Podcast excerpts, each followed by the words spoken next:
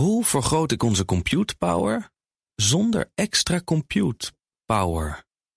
Lenklen, Hitachi Virtual Storage Partner. Lenklen, betrokken expertise, gedreven innovaties. Innovatie. Tech Update.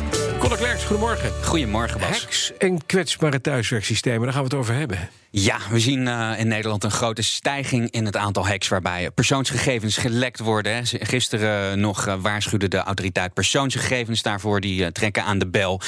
En ondertussen zitten we nog steeds uh, met een heel groot deel van Nederland thuis te werken.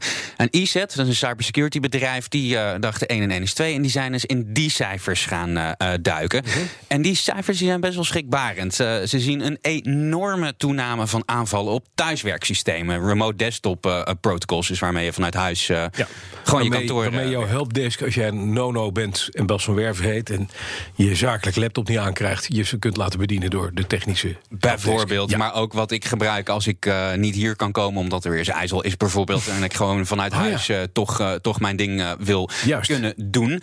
Um, ja, zij zijn gaan kijken naar de cijfers daarvan. Um, want we zien ook veel ransom aanval, ransomware aanvallen de laatste tijd. En een groot deel van die ransomware aanvallen bij bedrijven ja. gebeurt dus via zo'n RDP.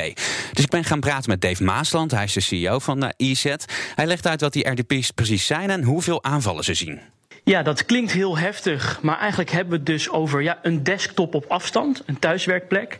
En wij zien dat in Nederland het afgelopen jaar aanvallen op dat soort systemen ja, zijn gestegen met 558 procent.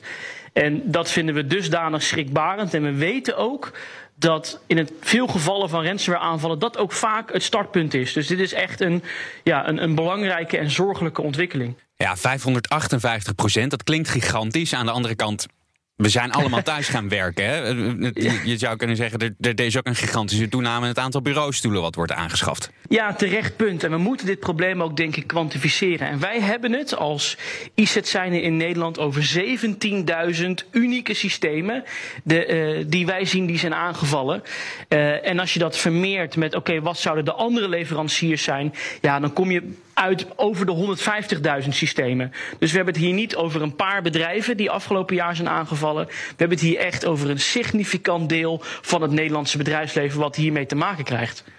Hmm, dat is nog wat zeg. 556 stijging. Ja. Auw. Wat zijn de gevolgen? Ja, die uh, kunnen heel erg groot zijn. Want het thuiswerksysteem dat is vaak een startpunt voor die aanvallers. De gevolgen kunnen zeer groot zijn. Op het moment dat een aanvaller toegang krijgt via zo'n thuiswerksysteem, gaan ze vaak het netwerk verder door uh, en hebben ze eigenlijk vrij spel op een gege gegeven moment. Dat betekent dat ze ja, de gegevens, dat ze eigenlijk overal bij kunnen. Gegevens kunnen stelen en in het ergste geval uiteindelijk ervoor kiezen om ja, ransomware, gijzelsoftware te installeren en ja, een, een bedrijf volledig plat te leggen. Dus dit is echt in coronatijd ja, een nachtmerrie voor elke ondernemer. Nou, en aantallen zijn het al, hè? Stijging van ruim 500 procent. Wat kun je als ondernemer beginnen?